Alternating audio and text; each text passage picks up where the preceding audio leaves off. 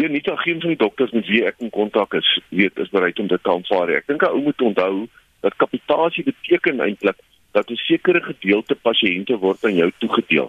As jy hulle baie goed bestuur uit jou praktyk uit en hulle kom min vir jou kuier omdat hulle min probleme het om met julle goed bestuur, dan maak jy natuurlik goeie geld en die geld word aan jou oor oorbetaal. As jy dan nou 'n paar probleme het, dan moet jy sorg dat jy daai diens lewer. Nou om 'n hele bevolking so te bedryf, het jy 'n geweldige klomp dokters nodig. Ons sukkel om ons huidige pasiëntlas te hanteer. So ek is onseker waar ons al die ander dokters gaan vandaan kry om hierdie kapitasiesisteem eintlik te maak werk. So ek dink dit is 'n groot bekommernis vir ons. Ons praat vanoggend met 'n verteenwoordiger van die Suid-Afrikaanse Ginekologie Vereniging, Dr. Janus van Waart, en die fokus is op die nasionale gesondheidsversekeringsskema en die feit dat die loodsprojek in Noordwes misluk het. Ek wil net terugkom by wat jy gesê het, Dr. van Waart, jy het gepraat van al sewe loodsprojekte het misluk. Kan jy uitbrei daarop? Ja, wie ek dink dis dis maar hoor sê wat ek gehoor het van ons uh, van die mense wat ons help in ons vereniging met ons administrasie en ons finansies. So ek het nie geweldig baie inligting daaroor nie, maar die inligting wat ek het is dat dit gaan oor die betaling. Ek dink niemand is bereid om om weet hulle arms baie ver uit hulle moue uit te steek vir lank as ou weet jy gaan nie betaal word nie. En ek dink dit gaan oor die administrasie en die finansiële beheer en en en weet die nasionale gesondheidstelsel is is ordens groter as die SAL. Nou, jy weet as ons Israel nie oortentlik winsgewend kan bestuur nie, hoe gaan ons op gelykbreekpunt uitkom in 'n nasionale gesondheidstelsel? En ek dink dit is een van die probleme wat 'n groot uitdaging gaan wees. Jy sê nou dat julle as gesondheidspraktisyns in wese is dit eens met die minister dat dinge moet verander in Suid-Afrika in terme van gesondheid en dat julle nie in wese gekant is teen die nasionale gesondheidsversekeringsskema nie, maar dat daar spesifieke probleme is en dan verwys jy ook dokter na die NHS. Hoekom hou die minister die Britse NHS voor as die model wat ons moet volg, maar die NHS is tegnies insolvent. Ja, kyk, hy gaan aan, maar die probleem is die staat met elke jaar meer geld as die begroting uh, wat ons voor begroot het inbetaal, maar tipies wat wat in baie van ons ondernemings staatsondernemings ook uh uh die geval is. Ek dink wat die wat die wat die NHS aanbetref is 'n goeie stelsel wat algemene bevolking aanbetref. Maar jy weet uh ek dink dit is die een stelsel wat baie inligting oor beskikbaar is, maklik beskikbaar is en omdat ons gedeeltelik Britse wortels het, dink ek is die rede dit die rede heel waarskynlik hoekom die minister daar vasklou. Maar maar ek is eintlik 'n bietjie onseker hoekom dit enigste model is wat hy of die die spesifieke model is wat hy voorhou. Is daar 'n spesifieke model wat jy sou voorstel? Ons weet dat uh, die high level panel onder Galema Motlanthe praat van 'n hybride model as ideaal. Ja, wie ek dink die hybride model is heel waarskynlik iets baie meer sinvol. Waar daar regtig 'n groot plek is vir privaat praktisyns. In ons beroep byvoorbeeld is is 75% van van ons lede is mense wat in privaat praktyk is.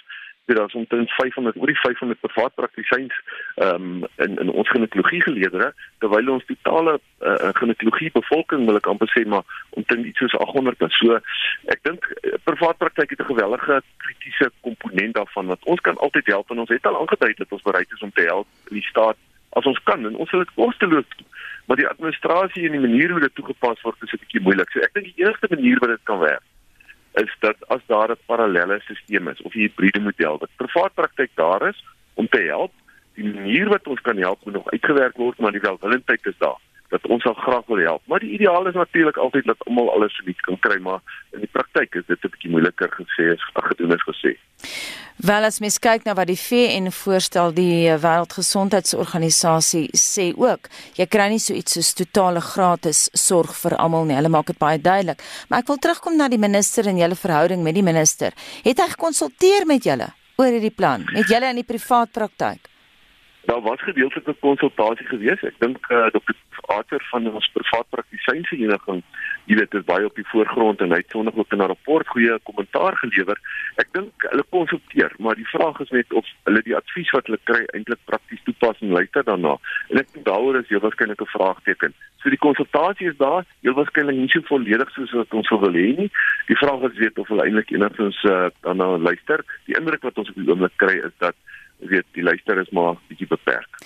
Watter stukkie raad sou jy vir die minister van gesondheid hê, jy wat in die privaat praktyk is? Ek dink wat ek sou graag wil sien is dat ou moet oopgemoed by mekaar kom. sê gee vir ons hulp, gee vir ons raad. Dis 'n nasionale bate. Ou gaan een kans kry om hierdie ding te maak werk. En ek dink ons privaat praktyk het baie kundigheid, ons het baie welwillendheid. Ons is primêr daar eintlik om gesondheid te verseker en ons wil graag wil help. Maar dan moet mense bereid wees om te luister en as die minister van ons sê luister, ons is in die moeilikheid, hoe kan ons help? Dan dink ek van 'n mediese kant af is ons as privaat praktisyns baie meer as gewillig om te help as daar oor administrasie en finansies gepraat word, ons sit met geweldige groot kundigheid in die private sektor en die hospitaalgroepe. En ek is seker daarvan as die minister met hulle konsulteer en vra kan jy ons bietjie help met ons hospitaalbestuur en ons administrasie bestuur, dan glo ek weet is al 'n plek op die pad vorentoe. Maar ek dink ons moet eers ons staatsstelsel uitsorteer en reg kry om te werk tot 'n mate voordat 'n ou so ambisieuse projek soos die nasionale gesondheid kan aanpak.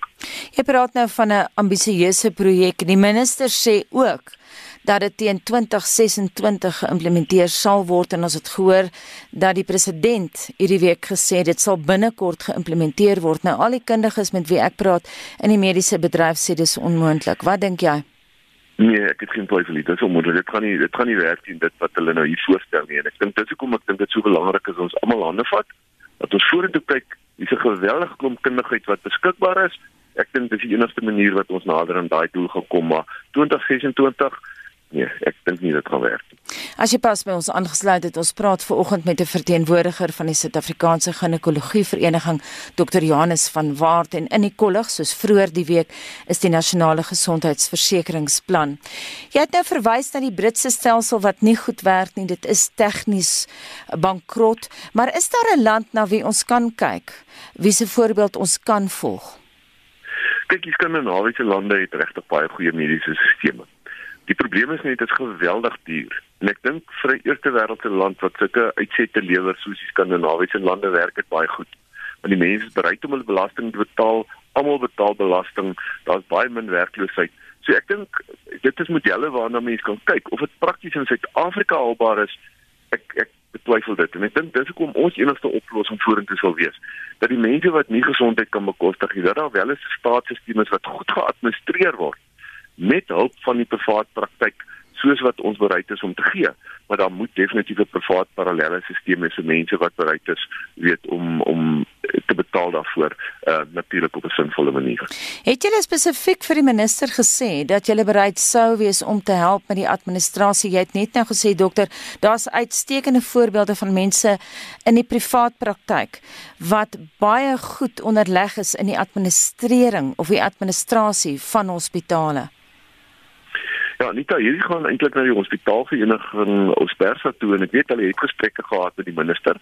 Ehm um, ek ek dink net dat dat die indruk is wat ons kry is dat weet oulie wil weer herontwerp en ek dink dit dit is nie 'n goeie benadering nie. So van die private hospitaalvereniging af weet ek hulle het nie die minister gekonsulteer. Ek dink hulle het van hulle dienste aangebied. Ek dink op hierdie stadium het die minister nog nie gebruik gemaak daarvan nie.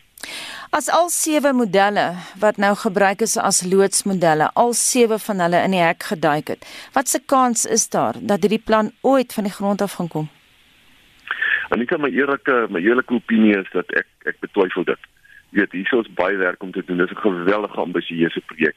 Dit is 'n sosialistiese 'n projek wat ek dink vir Suid-Afrika wonderlik sou wees as ons dit kan bekostig, as ons ons ekonomie kan uitsorteer, uh as ons werkloosheid kan aanspreek as ons mense verantwoordelikheid kan laat neem vir hulle dade, as ons korrupsie kan uitwis, dink ek is definitief iets wat ons na kan kyk.